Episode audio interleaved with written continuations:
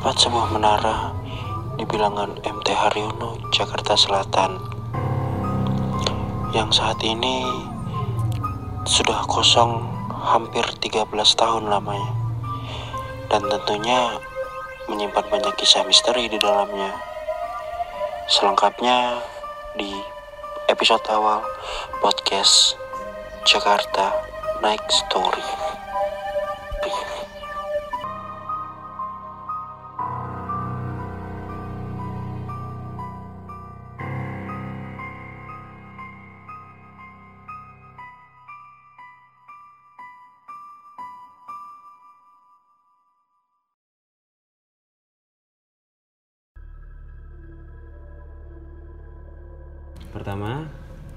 Kenalkan gue dan teman-teman gue di sini ada. Ziko Eh, ada gua Hanung Fadil Nah, dan gue sendiri Sang Pras. Sesuai opening barusan di episode perdana podcast Jakarta Next Story ini, kita akan ngebahas kisah-kisah horor yang kita alami sendiri, bukan rumor, bukan juga, bukan juga mitos, atau juga bukan kisah-kisah kiriman dari orang-orang yang dikirim biasa ke podcast-podcast lain. Nah, ada yang bisa bantu gue jelasin nggak nih? Basic kita itu gimana sih? Eh, mungkin mungkin gue yang akan bantu jelasin ya kita dulu eh, pas kita SMA kita adalah orang yang suka mengeksplor tempat-tempat yang ada di Jakarta Hmm, khususnya pas pada malam hari ya. iya khususnya pada saat malam hari dan dari beberapa tempat yang kita datangi ada beberapa tempat yang memang terkenal horor kisah-kisah misterinya. kisah-kisah ada mistisnya situ dan ya. juga ya terkenal horor lah di kalangan masyarakat atau di media-media sosial. Dan salah satu tempat yang kita datangi adalah menara ini yang akan kita bahas. Yang akan kita bahas secara lengkap kali ini ya Iya, di menara itu ya. Oke. Jadi kisah awal kita tentang menara yang beberapa waktu lalu sempat viral ya di Twitter tuh, terutama threadnya teman kita Bramasta tuh Iya, di betul. @astajos. Sebenarnya selain dari thread Bramasta itu yang ada diceritakan di thread Bramasta itu ada Mhm. beberapa teman-teman kita juga yang ikut di explore kita kan Oh iya, tentang betul, menara itu betul. Dan thread Bramasta pun itu juga kumpulan dari beberapa ekspedisi ya kan Iya. yang kita lakuin di menara itu Mm-mm. nah para pendengar bisa cek sendiri deh di twitternya Bramasta tuh ya @astajos sempat viral beberapa bulan yang lalu dan gue oh ya waktu itu juga lu udah sampai diundang dong ya ke stasiun TV nasional ya Iya betul, sempat diundang ke nah stasiun bisa TV nasional. ceritain nggak tuh pengalaman lu kemarin diundang ke TV nasional itu Oke, jadi waktu itu gua diundang ke stasiun televisi nasional itu setelah beberapa minggu thread Bramasta viral di Twitter. Nah, lu sama siapa aja tuh diundang Uh, gua di sana diundang bertiga. Gua Bramasta selaku yang membuat thread di Twitter Oke. Dan juga satu teman gue yang waktu itu juga ikut ke dalam ekspedisi tersebut Hmm. yang namanya Galih. Oke. Gimana tuh lu pas di interview di stasiun te- televisi itu gimana?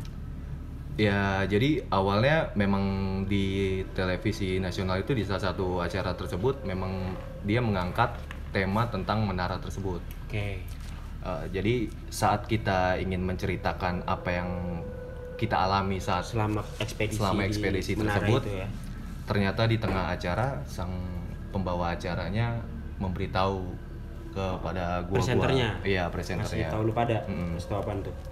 kalau ternyata sang pemilik menara tersebut Ya.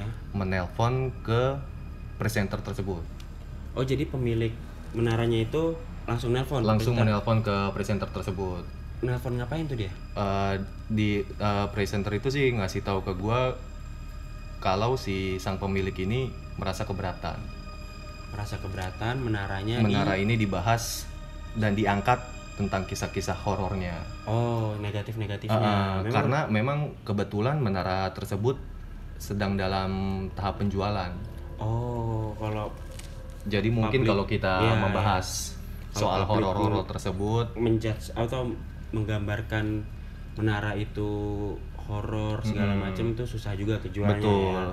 berpengaruh dengan penjualan Jadi intinya juga. lu pengen nyeritain semua Cerita, kejadian ekspedisi di TV itu, Mm-mm. tapi kehalang nggak bisa. Dan Iya. akhirnya waktu itu dibelokin jadi cerita dan akhirnya dibelokin uh, lain gitu ya. cerita lain dan kita nggak akhirnya cuma sebagian kecil yang kita ceritakan tidak seluruhnya Nah, gua denger-denger juga tuh ya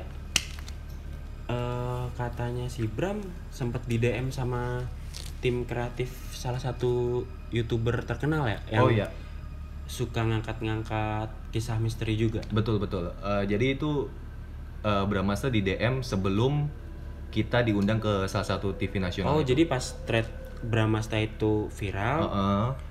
lu eh si Bram di DM sama youtuber RD lah ya sebut Heeh, aja. iya betul RD kan dia punya konten misteri juga tuh. Mm, mm, mm. Lu di si Bramasta di DM, tapi pas di pas di akhirnya pas direspon sama Bramasta dari Iya. pihak youtuber itu nggak ada tanggapan lagi oh dan akhirnya lu Dan malah akhirnya, diundang ke heeh, stasiun stasiun TV juga. tersebut Nah, yang lucu nih, gua kemarin sempat ngecek-ngecek di YouTube juga.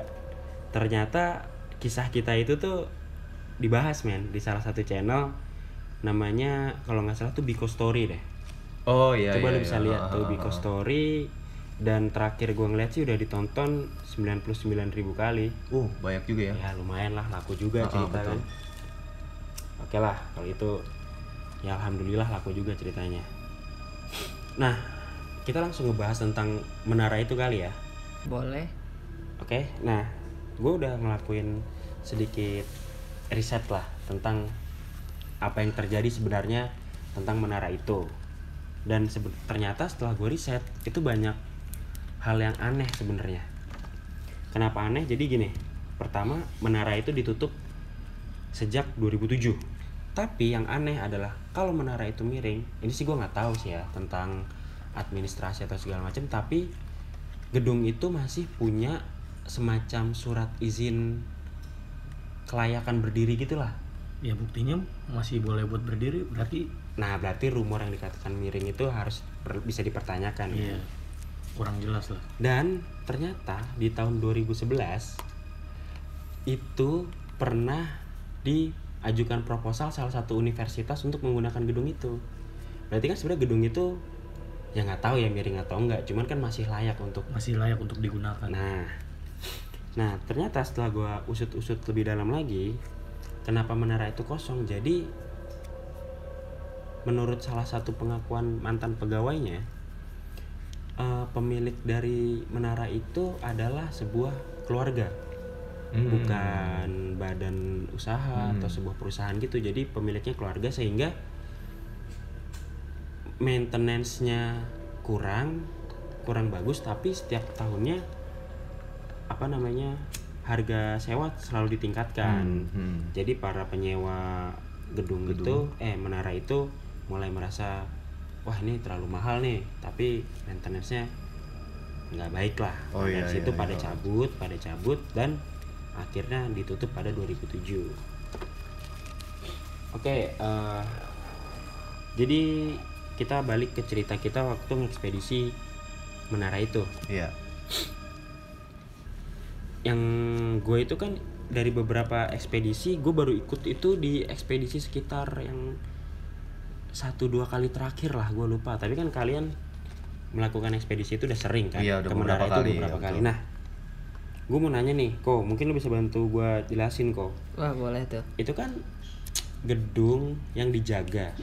Iya. ada security-nya kan pasti. Gimana lu bisa masuk melewati para security itu Ya, pertama awalnya sih berawal dari iseng ya. Terus pas kita lagi pergi nge-explore malamnya Jakarta tuh tiba-tiba ada kayak pikiran di salah satu teman kita buat berhenti sejenak. Soalnya pernah teman kita ini dengar kalau rumornya tuh menara ini miring, makanya kita sedikit penasaran kan. oke oke tentang menara menara miring ini Iya. terus Nah setelah kita berhenti terus kita lihat situasi. Oh jadi lu berhenti di depan Iya, menara itu betul. lu celingak celinguk lah. Iya lihat-lihat terus? lihat-lihat dulu terus ada inisiatif juga nih. Coba yuk kita lihat nih gedungnya beneran apa enggak miring. Nah di situ posisinya ada securitynya. Ah oke nah terus? yang jaga kalau nggak salah seingat gua sih ada dua orang yang jaga. Hmm. nah kita samperin terus kita nanya bener gak sih ini rumornya ya? Security jawab sih ya. Enggak. Jawabannya enggak tapi setelah itu kita nanya lagi. Oke. Kalau kira-kira seandainya kami ya teman-teman kita ya Hmm. bisa nggak pak dapat izin buat masuk gitu? Oh untuk memasuki area area lingkungan. menara itu. Ya terus? menara itu. Terus securitynya cuman jawab bisa tapi sebenarnya ini nggak boleh dia bilang. Hmm. dan emang mungkin butuh izin khusus tapi emang kondisinya pas malam. Akhirnya setelah berdiskusi beberapa menit ya dikasih izin tapi dengan syarat ya kita ngasih sesuatu buat security seperti ya minum rokok. Oh lu ngasih kopi Iya, rokok lah. jadi kopi rokok intinya lu awalnya cuman penasaran pengen Betul. buktiin apakah bener menara itu miring iya lu celengak celenguk di depan ngeliat security ya negosiasi negosiasi Betul. boleh tapi dengan ada syaratnya dengan syaratnya lah Syarat. karena sebenarnya nggak boleh nggak boleh mungkin ya semba- sesembarangan Iya, itu masuk juga ya itu, betul. Dan dan kita juga harus menanggung akibatnya sendiri ya Iya, kalau terjadi iya, apa-apa oh iya, di benar. dalam. Oke, iya seperti juga bilang seperti itu. nah pas lu akhirnya udah boleh masuk nih Iya, itu kan lu kira-kira itu pertama kali datang tahun berapa pada sekitar 2000 2011 2011 ya. 2011 Iya. 2011 awal awal awal mula kita datang Oke. Iya. Nah, gedung itu kan udah kosong dari 2007 ya. Berarti kan udah sekitar Empat tahun. 4 Empat tahun. tahun. Ya memang ada simpang siur sih yang bilang dari 2007, dari 2009. Oh, iya, Cuman menurut eh, resminya dari Wikipedia itu dari 2007. Hmm. Gimana kondisi waktu lu masuk? Nah, kondisi gedung itu saat udah beberapa tahun ditinggalkan itu. Gimana? ya kondisi gedungnya ya namanya udah empat tahun ditinggalkan ya kosong udah Ya udah pasti kosong dong. furniturnya udah acak-acakan masih ada beberapa furnitur kayak bangku meja itu masih ada cuman kayak komputer terus lemari itu udah udah jarang komputer malah udah nggak ada kalau komputer kalau meja-meja resepsionis masih ada Tapi meja-mejanya masih masih ada. ada bangku masih ada sedikit Udara udaranya juga udaranya sangat udah ngap banget ya. Iya, sewajarnya oh, oh. menara kosong gitu ya. Terus juga kondisinya kotor sih, banyak debu di lantai dan pinggir-pinggir temboknya. Gue tuh inget banget pas ikut eh, belakangan ekspedisi itu ya. Gue tuh yang paling gue inget adalah di, di kan kita masuk ke lantai itu ya, maksudnya lantai sekian kita explore, lantai sekian kita Hmm. Oh, iya, explore. Iya betul. Kan kita masuk dibolehin lewat Tangga darurat. tangga darurat tuh ya. Jadi setiap masuk tangga darurat kita nge-explore selantai, tangga darurat kita nge-explore selantai. Nah, setiap lantai itu kayak di tengah-tengahnya itu ada kotak gede lobang gitu lah lobang Oh iya tapi iya betul betul betul Iya, betul itu betul ya. Nah, yang menurut gue sih itu kayak bekas lift deh. dan Dan bisa jadi bekas Hmm. soalnya ngelos gitu dari bawah sampai, Sampai atas, atas. ya kan? Dan nggak ada pembatasnya. Itu kalau lu udah di lantai sekian, belasan sekian, 20 bahaya lu bisa kepleset kan Iya. gelap kan kondisinya Dan kita juga masuk tanpa senter ya, kita cuma Iya. pakai flash HP BlackBerry. Iya, zaman itu masih pakai Masih BlackBerry. BlackBerry. sih. Nah udah oke seperti itulah kondisi menaranya waktu kita datengin saat itu yang udah kosong kurang lebih 3-4 tahunan nah ini nih kisah apa pengalaman-pengalaman misteri yang udah pernah lo alamin pas pada masuk di menara itu ya mungkin bisa dimulai dari gua dulu aja kali gua gua dulu Oh iya, karena, kan. Iya. gue yang paling junior nih nah oke jadi kan itu ada di treatnya Bramasta tuh ya yang bagian dan mungkin kayak kita semua ngalamin dah bagian yang pas kita ke basement Mm-mm. ngeliat kuli lagi tidur oh iya benar sang benar benar benar kuli lagi tidur itu Wah itu sih fix banget. Iya, itu banget lagi sih. tidur. itu benar-benar kita semua ngelihat ya benar-benar Hampir- kita semua ngelihat iya kayak gue baru datang terus kan make kutang gitu kan ah, ah. kuli make kutang tidur pakai pakai sarung dan yang gue bingin bener-bener merinding tuh gue inget banget ya ada radionya di situ Mm-mm, radio analog, radio jadul radio analog kita kita semua Iya. Ya, biasa kan kalau denger denger cerita horor atau kita ngeliat kan beda-beda tuh. Iya. Tapi ini tuh anehnya satu suara gitu kan Iya. kita semua sama dan ada bohlamnya. wah benar-benar benar ada bola ada saung-saungnya juga Nah, ada triplek-triplek apa sih bedeng-bedengnya Bedeng. gitu. Dan ternyata pas gua tanya di atas kan di pos satpam, Pak itu ngapain kuli pada di bawah tidur? Nggak kedinginan apa? Hah? Kuli apaan orang gedung ini udah nggak ada yang kosong. nggak ada yang ngurusin apa-apaan wah di situ gua langsung scare sih secara secara nggak langsung kayak kita udah dikasih lihat ya lihat, udah dikasih lihat udah masuk ke dunianya yang Ah, tanpa kita sadari dan dan itu semua anak Semua semua anak, anak-anak semua nggak ngeliat satu semua. satu dua orang doang karena karena pas kita ngeliat kita kompakan kayak ngomong jangan pada berisik nih Iya. takutnya dia kebangun ya nggak sih tidur, kita iya lewatin. iya kan banget. soalnya kita satu satu suara di situ kan berarti kan semuanya bisa dipastikan ngelihat Nah, oke. Selanjutnya nih, Dil. Pengalaman apa aja yang udah lu rasain selama lu nge-explore menara itu? Gimana tuh? mungkin gini aja kali ya gue ceritain dulu dari kita awal kali kita nge-explore jadi Oke. kita uh, pertama kali nge-explore itu kita cuman diizinin lah boleh sampai uh, boleh cuman bolehnya tuh boleh masuk basement doang oh iya betul tuh Uh, jadi oh, jadi lu cuma boleh masuk basement, nggak boleh naik ke atas? Iya betul. boleh naik Oke, nggak terus? boleh naik ke atas jadi di basement itu uh, ada empat lantai ke bawah ada empat lantai basement Jadi ada empat level basement ke bawah Empat nih. level basement Terus ke bawah Uh, suasananya sih kalau buat basement satu ya masih biasa aja lah Hmm. masih ya kayak basement basement 2 udah mulai men- udah mulai hawanya nggak jelas basement 3 udah mulai uh, tapi pengap tuh pasti berarti. udah ya? pasti Pengap pengap banget. udah Dari basement pertama tuh udah pengap. iya, pasti pengap basement ketiga oh, udah mulai Udah mulai berair. udah mulai berair, udah mulai ada tumbuhan dan base di basement 4 ini yang, yang udah mulai kacau. Jadi kacaunya itu kayak tumbuhan-tumbuhan tuh udah banyak gitu, udah banyak lumpur, jadi udah kayak ada udah jadi kayak semak gitulah di basement 4 itu. Udah bener-bener kayak rawa gitu ya. Oh, di- udah kayak rawa gitu. Terus yang anehnya lagi tuh, Hmm. eh, jadi nih di ekspedisi ini eh, gua nih selalu paling belakang Oke. selalu paling belakang karena kan tuh eh, pada kondisi saat itu flash HP gue yang paling memadai Flash HP lu yang paling terang. iya paling terang paling memadai Jadi setiap kali ngekspedisi lu pasti paling belakang. pasti paling Itu belakang bukan karena lu paling berani atau apa tuh? enggak karena emang flash HP gue paling memadai Flash HP lu aja karena alasan sesimpel itu aja. Terus Iya. terus karena gue paling belakang gue tuh sering banget tuh ketinggalan rombongan oke. Eh, salah satu penyebabnya gue ketinggalan rombongan ya gitu karena di basement 4 itu udah Oke. seperti rawa Hmm. yang anehnya lagi setiap gua melangkah Hmm. tanaman-tanaman itu tuh kayak selalu mengikat kaki gua gitu Kayak ngikat gimana tuh maksudnya? kayak ngikat jadi ya gua melangkah gua kesangkut gitu ke kelilit Tunggu tunggu. Oh. Oh. Oh, maksudnya lu kan kalau ngelangkah itu kan berarti nginjek kan? Iya, Nginjek nginjek. tanaman ya kan? injek tanamannya Tapi lu selalu tersangkut. selalu tersangkut Bukan lu nendang tanaman kan? bukan nendang tanaman Kayak seakan-akan tanaman-tanaman itu nyangkutin terus ke kaki nyangkutin lu. terus ah.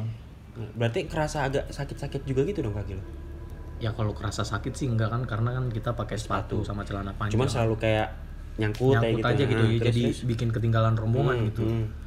terus eh, udah dari basement udah kita sering explore juga kita tuh udah mulai naik tuh ke lantai-lantai berikutnya udah jadi udah di lantai satu kita mulai ke lantai-lantai atas udah nggak udah nggak ke basement basement lagi jadi Oh ini di next next Iya, di next- ekspedisi next selanjutnya. ekspedisinya, ah. Karena di ekspedisi awal lu cuman boleh masuk ke basement. masuk basement Oke.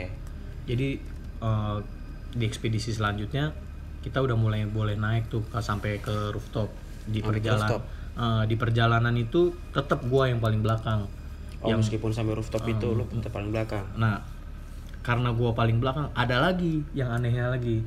Setiap gua eh, ngelewatin, jadi kan kita naiknya tuh dari ini ya tangga darurat ya. Hmm. Setiap kelar tengah-tengah lantai atau uh, pas nyampe lantai berikutnya pasti Oke. kayak ada orang yang ngikutin di belakang gitu entah Oh, suara kan- entah entah suara gini. jejak kaki entah entah uh, perasaan perasaan fisik yang ada uh, Hawa, hawa hawa. hawa keberadaan orang oh gitu. jadi kan tangga darurat itu kan setiap lantai eh, kayak disambut pintu gitu kan? Iya disambut pintu. Seharusnya lu udah yang paling akhir. Seharusnya gue yang paling tapi akhir, lu selalu merasa ada hawa yang ngikutin. masih lewat setelah Masih lu. lewat, oke terus terus. Terus? Tapi lu pernah berani diri nengok ke belakang? Ya selalu selalu selalu selalu nengok ke belakang. Dan lu ada ngeliat ya nggak ada apa-apa cuman ngerasa kayak ada Ya. jejak kaki yang tak tak oh gitu. kalau oh lu denger jejak kaki Denger jejak kaki ngerasain juga, hawa. ngerasain hawa. Tapi pas lu tengok ke belakang nggak ada nggak ada apa-apa. Mm-mm. nggak ada siapa pun nggak ada juga. siapa pun juga. Bocahnya. karena uh, di setiap ekspedisi itu ya kita cuman kita kita aja. Sapam juga nggak ngikut. Siapa mau ngikut. Sapam nggak ngikut. Iya, sapam nggak sapam lepas, ya. lepas tanggung jawab. Oh, sapam nggak cuman cuman uh, ngizinin lu boleh masuk tapi tanggung jawab ya diri lu sendiri lu apa pun yang terjadi di ah, apa pun yang terjadi di dalam gua nggak ya Hmm. oke oke terus Oke, uh, udah sampai lantai-lantai berikutnya. Jadi uh, di suatu ketika kita ekspedisi itu kita barengan sama uh, paranormal ya. Maksudnya bukan barengan kita collab atau gimana. Jadi setelah kita sampai rooftop uh, beberapa menit kemudian ada rombongan lain.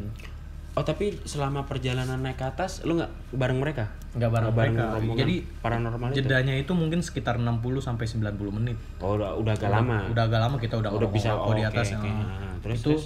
ada rombongan paranormal yang bawa sapam. oh rombongan paranormal itu Hmm.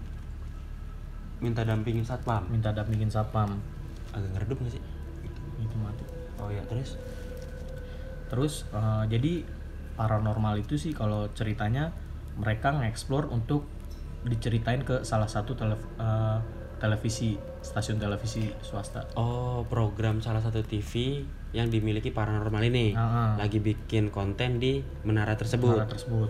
Dan secara kebetulan barengan sama lulu pada. Eh, nyampe sama, di, sama kita kita. di hari yang sama lah Di gitu. hari yang sama. Nah, terus?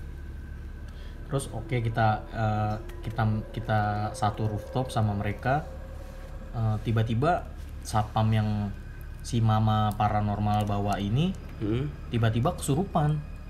Satpamnya? Sapamnya kesurupan. Kok bisa itu garis Terus itu sempet heboh juga ya, Bro. itu sempat heboh juga. Jadi jadi kak chaos tuh chaos di Hmm, atas. jadi, eh, chaos kacau. di atas. Iya, sapamnya kesurupan ya. Kita bingung dong kita nggak kenapa-napa kenapa Hmm. sapamnya kesurupan? Berarti eh, dari rombongan itu kan yang yang eh, yang ngebawa lah yang ngebawa ngebawa sial gitu yang, yang bukan ngebawa sial yang melakukan Suatu melakukan hal kesalahan. suatu kesalahan gitu kan. Ah, terus? Terus eh, si mama itu coba untuk nenangin sapamnya lah ya, baca baca bahasa bahasa yang nggak kita mengerti gitu. Nah oke. Lu nih kok sekarang kok Iya. pengalaman apa aja yang lu rasain selama ngeksplor menara itu? Wah, ada beberapa pengalaman sih yang gue dapetin waktu kita nge-explore menara ini. Hmm, coba lu bisa yang ceritain. gue inget ya, Oke. yang gue inget waktu pertama ke basement itu salah satu teman kita namanya Savero dia ngelihat si Savero oke. Ya sekilas itu kun ya. Warna merah kalau nggak salah. Oh Dia- kuntilanak merah. Iya betul. Yoi, ha, terus terus? Nah terus setelah itu bentar ya gua pernah dapat cerita tuh ya kalau eh, dalam tingkatan kuntilanak ya hmm, kuntilanak merah tuh yang paling atas lah yang paling bahaya katanya sih. Wah iya Gua sih. juga nggak tahu bener apa enggak. Pokoknya yang gue ingat pengalaman lo ngeliat kuntilanak merah itu gimana? Ya pengalaman gue sih ya pas Vero ngelihat kuntilanak merah itu ya dia langsung diem dan kaget gitu kayak langkahnya kayak mundur gitu terus kayak bener-bener shock gitu. Dia ngasih tahu itu ke lo atau ke Iya. semua anak dia dia Semua ngeliat sekilas terus gue tanya lo kenapa Ver oh jadi Iya. Vero ngelihat kuntilanak merah itu dia langsung kicep Iya, yang betul. nyadarin dia kicep, yang menya- yang nyadar kalau dia itu kicep lo iya gue nanya lo nanya ke dia lo kenapa Ver nah terus dia cuma bilang gue tadi kayaknya ngeliat kuntilanak merah di situ gue juga nggak tahu ya maksudnya ya gue mikir tuh dulu kayak kuntilanak tuh ya sama aja Mm. mau warna merah atau putih ya Hmm. tapi kalau emang bener itu tingkatan paling tinggi ya alhamdulillahnya ya kita nggak kenapa-napa sih. Terus, terus? nah setelah itu pas di lantai berapa ya gue lupa. Setiap kita naik lantai itu kan kayak ada sekatan gitu ya.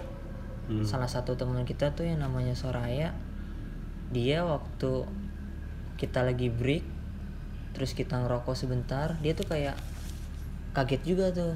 Sempet kaget kayak diem gitu terus gue nanya. Lagi-lagi lu yang menyadari Iya. kalau Soraya ini te- aneh Iya, terjadi betul. apa keanehan gitu. Si Ayah tiba-tiba kenapa? gitu. Ya gue langsung nanya lo kenapa ay? Tapi dia diem aja nggak mau Hmm. ngomong gitu. Oke oke. Nah pas akhirnya kita lanjutin perjalanan lagi tuh mau tembusin rooftop akhirnya dia mau ngomong katanya di lantai berapa gue lupa Oh, udah nyampe rooftop nih? ya, Udah nyampe rooftop, dia akhirnya cerita. Ayah cerita ayah, ayah cerita ayah cerita kalau dia pas lagi naik terus ketemu sekatan kita break bentar dia kayak matanya tuh kayak tengok-tengok gitu pas ngelihat satu lantai dia ngelihat satu sudut lah Iya satu ngeliat sudut betul satu sudut dia ngelihat pocong di salah satu lantai itu. Pocongan lagi. Hampir mungkin terus dia nggak teriak nggak apa gitu ya? enggak dia cuman diem. Diem oh aja mungkin karena biar nggak bikin yang lain panik diem. ya? Betul menurut gue sih itu salah satu mungkin alasan dia kenapa diem dan tetap lanjut dan cerita di rooftop pas udah nyampe udah Iya. selesai terus udah nyampe ekspedisi baru dia cerita tuh rooftop. Iya. terus ada nggak yang mungkin lu lihat sendiri lu rasain sendiri entah sekedar ketawa suara atau hawa-hawa kalau gue sih untuk ngeliat atau apa ya belum cuman yang gue rasain emang saat suasana di basement tuh auranya beda banget kayak panas terus banyak suara-suara ya mungkin suara-suara kecil yang itu tapi gue nggak terlalu anggap itu serius ya tapi emang hawanya tuh beda banget menara ini Eh jadi gini ya buat para pendengar, sering kan eh, kalian atau dengar atau baca-baca cerita horor bilangnya auranya tuh beda banget, auranya tuh beda banget. Terus kalian pasti mikir ah apaan sih aura beda banget, nggak percaya gue segala macem. Nah lo kalian harus rasain sendiri kalau udah masuk ke tempat-tempat kayak gitu. Dan itu memang secara nyata auranya tuh emang beneran kerasa beda tanpa lu perlu punya indera keenam lah, six sense, indigo, Mm-mm. lu Iya. normal aja tuh lu bener-bener kerasa sebeda itu hawanya. Iya betul. betul Nah makanya kadang kita menjelaskan ya sesuai apa yang kita rasakan aja dan se- memang seberbeda itu hawanya. Mm. Iya gue setuju tuh.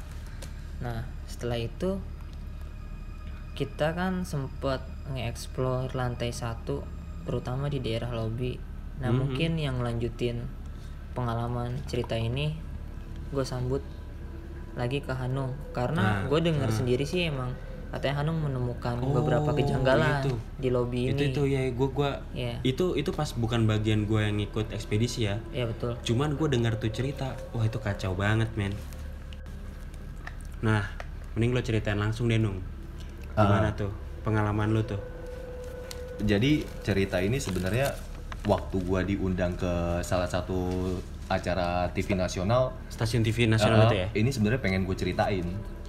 Cuman Cuma karena akhirnya temanya dibelokin, gua nggak sempat cerita di salah satu TV nasional itu, itu. Oke, oke. Dan, Dan- cerita ini pun dimuat di dalam Tritya Bramasta. dan akan lu ceritain Dan akan gue ceritain di, podcast, podcast, kita ini. Oke, gimana ceritanya tuh? Sebenarnya eh, cerita ini eh, rada nggak masuk akal. Menurut gue pribadi sih kayak rada nggak masuk akal. Cuman gue ngalamin sendiri. Gue ngalamin sendiri di depan mata gue ini benar-benar terjadi. Gimana tuh? Jadi saat eh, di lobby itu kan di belakang lobby itu sebelah kanan ada kamar mandi ya kok. Iya betul. Mm-mm. Jadi saat kita lagi nge-explore di ruangan lobby itu, gua ke kamar mandi nih, Hmm. ke dekat-dekat kamar mandi itu di situ ada teman kita si almarhum Tejo. Eh, almarhum Tejo ngomong nih ke gua, ngasih tahu ke gua ngomong, "Eh, Nung, coba deh lu masuk ke ke dalam kamar mandi, lu cek di atas kloset itu ada apaan." Eh, gua kepo dong, gua, gua kepo sampai akhirnya gua masuk, gua masuk berdua ya sama Galih. Hmm. Jadi gua nggak masuk sendiri karena jujur gua takut. Jujur gua takut kalau untuk masuk sendiri gua berdua masuk sama Galih. Gue buka kloset di eh, lo tau kan ke kloset duduk Ya tahu gua. Jadi ada kloset duduk dan di atasnya itu ada amplop coklat yang biasa orang buat ngelamar kerja. Amplop coklat yang ada tali. Yang ada talinya betul. Itu dia rapih kayak baru bener-bener nggak ada lecek sama sekali kayak lu baru beli baru beli banget di fotokopian lu baru beli banget itu bener-bener nggak ada lecek satupun. Akhirnya gue beraniin diri untuk ngambil amplop itu. Iya. Amplopnya lu buka tuh terus. Am- amplop itu gue ambil dan gue balik kan amplop Oke. itu gue ambil gue balik ternyata di balik amplop itu ada tulisan tulisan ini cukup buat gue kaget sih Tulisan awalnya apaan tuh? tulisannya adalah tolong saya Wah anjir serius lu serius ini bener-bener terjadi bener-bener Ah, itu mah- bener-bener di depan mata gue jadi Orang lain kali. tulisannya tuh isengin. tulisannya tuh kayak dia pakai pulpen hitam Hmm. tapi kayak pulpennya tuh udah tintanya kayak udah mau habis jadi lu kayak nulis berkali-kali lu tebelin gitu Oh, tau gak sih urak-urak. iya Lu diurak-urak gitu kayak pulpen mau habis di O Oh, oh. Gitu terus. tolong saya ada tanda seru dua atau tiga pokoknya ada tanda serunya Ah, tolong itu saya Orang, orang iseng kali anjir. Ah, ah. dan akhirnya gue mikir kayaknya sih ini mungkin orang lain sebelum kita yang datang ke sini untuk nakut-nakutin orang yang akan datang selanjutnya Selanjutnya, oke oke. Nah. gue berpikir mencoba berpikir pakai logika kan karena untuk mengurangi rasa takut gue Hmm. saat gue masih memegang kertas itu eh sorry amplop itu tiba-tiba amplop itu keremek sendiri Ah. Tai sumpah gue nggak Jadi bohong kayak demi apa pun gitu. bener-bener literally kayak lo tuh mau nimpuk orang pakai kertas Dibejek gitu ya. dibentuk kayak gumpalan Oh iya. sedangkan gua tangan gue tuh bener-bener diem tangan gue cuma buat nadangin amplop itu Hmm. dia bener-bener keremak sendiri di atas tangan gua Anjir. dia keremak sendiri di atas tangan gua dan tiba-tiba kelempar tanpa gua lempar sumpah demi apa pun gua Loncat, nggak bohong loncat, loncat. bener-bener dia Loncat. loncat lah itu amplop loncat kabur dong gua Di situ lo sama Galih berdua. di situ kan? gue sama Gali Gali Gali ngeliat Gali ngeliat Gali bener-bener ngeliat gue berdua sama Gali langsung kabur kabur ngibrit seadanya Terus terus. gue kabur gue ketemu si Fadil Hmm. di luar lobi dia lagi ngerokok Hmm. gue ketemu Fadil gua, dia si Fadil nanya nih ke gue ya kan dia lu nanya ke gue Iya, kayak gua. lu lu kenapa lu lari-lari gitu kan sampai akhirnya gue bilang ke Fadil lu mesti ke dalam deal lu cek di dalam toilet di atas kloset ada apaan akhirnya lu masuk kan deal ke Iya, dalam gua toilet masuk- masuk dalam lu toilet. coba lu Lu- jelasin akhirnya lu ngeliat apa setelah gua masuk dalam toilet ya Lu masuk sendiri tuh apa ada minta gue temen? berdua berdua Sama? sama Savero Sama si Savero, oke. Hmm. saat gue masuk berdua ya emang di dalam ruangan itu Ada bekas gumpulan kertas tadi itu. nggak ada bekas kumpulan kertas kertasnya rapi Ah, tai. gila gak tuh kertasnya rapi. Coba. tadi kegumpal pas makanya sama pas pas si Fadil akhirnya ngasih tahu gua gua juga nggak percaya karena gua sama Gali Ngeliat bener-bener ngelihat itu kertas loncat dan kegumpal. Masa Kegumpal ya? dan terus loncat. masa ya Fadil pas masuk rapih ya Di dia? dalam Rapi, di dalam amplop lagi. enggak tulisannya itu di amplopnya. Tulisan itu di luar amplopnya di cover di cover amplopnya Bukan. itu. Tapi lu yakin di situ nggak ada eh, anak-anak lain atau orang lain yang sedang ngelakuin ekspedisi? nggak ada. Nggak ada. nggak ada sama sekali. Bener-bener tim- bener-bener kita doang. Kita kita orang doang. Dan itu terjadi. Hmm, terjadi. Terus lu gimana tuh pas sampai akhirnya pas Fadil ngomong gitu sempet cekcok ya Dil. Iya. kayak gua bener kok Dil ini bener-bener tadi tuh keremak. Bener-bener keremak. Tapi Fadil dengan emang dia ngeliat itu bener-bener rapi nggak ada lecek sama sekali. Dan pas lu ngeliat apakah terjadi bekas, kelecekan bekas itu? recek gitu. Nggak ada orang rapi. Kayak Bukan maksud aja. gue kayak pas si Hanung tadi terjadi ngegumpal di depan mata lu lagi. enggak enggak Oh begitu lu ngeliat rapi langsung lu tinggal aja Iya, gitu. langsung gua tinggal Kayak lu aja. mikir ah apa sih Nung kertas ginian Iya, doang. kertas gitu dong pas lu saya Hmm. cekcok baru di situ lu sadar anjing tadi pas sama Hanung tuh kertas keremek gitu. Heeh. Wah, anjing sih itu. gila itu itu bener-bener gua kayak gua di sana jujur gua nggak ngeliat makhluk apa pun jujur gua nggak ngeliat makhluk kayak kuntilanak pocong segala macam gua nggak ngeliat Tapi gua sama sekali nggak ngedenger suara ketawa nangis segala macam gua nggak ngedenger sama Tapi sekali kalau hawa sih pasti hawa pasti gua ngerasa pengap segala macam tapi gua ngalamin kayak gini Iya. kayak bener-bener anjing gua bener-bener gua Secara secara nyata itu. gua, men. gua ngalamin bener-bener goblok goblok terus juga Gila ada cerita yang tentang almarhum Tejo yang rebutan kursi ya Dil Iya setelah setelah setelah kita Uh-uh. Kita cekcok tentang kertas tiba-tiba almarhum Tejo ini teriak, "Woi, tolongin gua dong Mm-mm. ya udah kita ke tempatnya Tejo ternyata si Tejo itu lagi duduk di kursi Hmm. terus kayak ditarik gitu bangkunya ah, kursi kursi kursi kantor kursi kantor yang oh bisa yang ada rodanya Ah, yang ah kali dia iseng kali Ya. dorong dorong pakai kakinya ini ada saksinya Iya ada betul Anu. betul betul. gimana tuh jadi si Tejo itu dia duduk kakinya lurus nggak nggak napak ke lantai terus bangkunya ketarik tapi bener-bener jalan Bener-bener Bener-bener jalan. jalan. Bener-bener jalan itu. terus terus terus terus, terus. Ya bener dia, dia akhirnya teriak-teriak ya dia. teriak-teriak Woi "Woi, tolongin gua tolongin gua gitu tolongin gua tolongin gua ya udah kita ke situ terus kita tanya Jo lu kenapa bangku gua kayak ada yang narik gitu padahal dari tadi gua duduk nggak kenapa-napa Nah, itu tadi kan eh, pengalaman-pengalaman yang secara real kita semua rasain kan Iya. saat nge-explore Iya betul. menara itu. Mungkin nggak ada beberapa cerita yang nggak ada di tweetnya Bram, tapi ada di sini. Begitu juga sebaliknya, karena yang kita ceritain di sini cuman yang bener-bener real kita rasakan rasakan ya karena waktu itu kan juga banyak yang ekspedisi selain kita gue mau nanya nih sekarang ke lu pada setelah ngelakuin ekspedisi di menara itu ya. Apa sih yang lu dapet? Apa yang lu rasain gitu setelah ngekspedisi menara itu ya? Apa cuman buat seneng-seneng doang? Atau memang lu mau ngetes nyali lu gimana sih? Bisa lu obrolin satu-satu mungkin dari siapa dulu? Lu kok mungkin kok kayak lu ini nih. Ya mungkin kalau gua yang gue dapat dari ekspedisi jalan-jalan malam ini ya keseruan kita bareng-bareng sih kumpul. Hmm. emang di situ kan kita emang pengen tahu sih sebenarnya. Kalau untuk uji nyali menurut gue sih ya karena kita rame-rame ya. Nggak nggak begitu efektif nggak juga iya benar. untuk ngetes nyali Iya, kita betul. ya makanya kalau gue bilang sih ya lebih keseruan aja sih buat buat, nge-explore. Buat seru-seru Iya, aja. buat seru-seru aja kalau gue nambahin lu itu ya menurut gue tuh eh, kita itu bener-bener cuman anak SMA ya waktu itu hmm. tanpa bener-bener bekal ada orang yang bisa indigo lah six sense Iya lah betul ya betul kan betul. tanpa bawa paranormal lah pagar segala macem ya bener sih buat seru-seruan aja ngetes nyali Dan- Kumpulan kumpulan kumpulan anak-anak kepo. jadi teman-teman gua yang pandai di bidang-bidang gaib itu ya malah wih anjing lu bahaya bego lu ke tempat-tempat gituan tanpa bekal apa pun ya gua sih waktu itu cuman buat fun-fun aja ya Iya.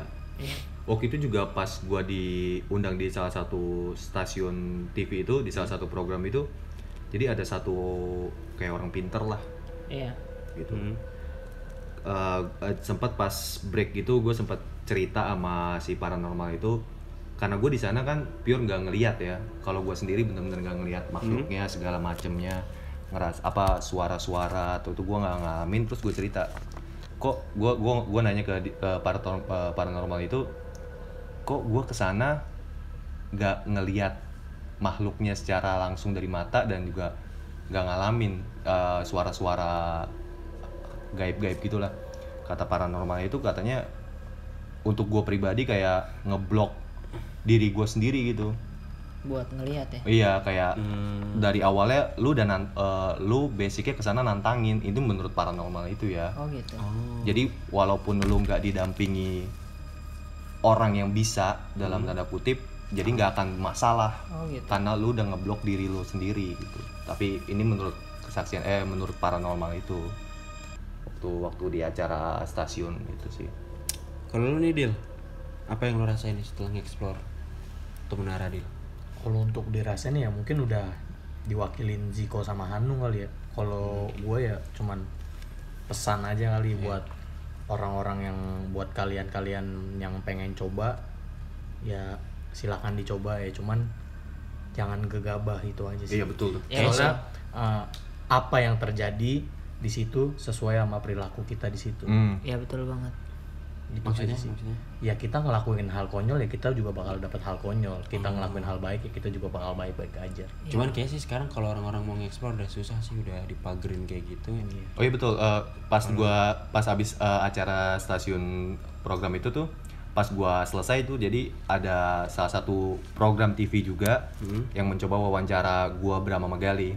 Dan program TV itu mencoba visit ke sana coba ke datang menara Oh tersebut. ini beda lagi yang undang undang lu tadi. Iya beda lagi. Oh, oke, Dia terus? mencoba visit datang ke menara tersebut, bener-bener udah nggak bisa. nihil Udah nihil, udah bener-bener nggak boleh masuk sama sekali. Jadi buat kalian yang baru penasaran sekarang bisa dikatakan udah terlambat. Udah udah udah nggak akan Udah bisa, bisa. udah nggak akan bisa masuk ke dalam situ lagi. Hmm, mungkin sekian dulu kali ya cerita misteri-misteri yang kita alami di menara ini. Sebenarnya kita pengen banget nyebutin menaranya apa, cuman terhalang alasan seperti Hanung tadi Iya betul. nggak bisa ungkapkan kan di dalam TV itu tapi gua rasa sih kalian udah tau lah menara mana Karena belakangan ini sempat naik lagi ya, sempat viral. viral kan terus eh, mungkin setelah ini di episode 2 nanti kita bakal bahas pengalaman kita explore di tempat lain kali ya? Iya. Oh iya benar. menurut lu enakan mana nih? Kita bahas pemakaman di daerah Bintaro Kebayoran Lama atau hotel berbentuk lambang negara di Cilengsi. Hmm, yang mana yang enak? Mungkin Mana ya? Pemakaman nanti. kali ya. nanti. Iya, iya. bisa pemakaman bisa betul, hotel. betul. bisa hotel juga. Oke. Karena di itu punya cerita masing-masing. betul Masih- banget. Bisa juga yang di Jakarta Utara tuh. Oh. Oh iya. kacau sih itu. Kacau itu. Intinya kita cuman mau nge-share cerita kita. Lu ikutin gak ikutin terserah. Lu percaya nggak percaya terserah. Ya udah. Bye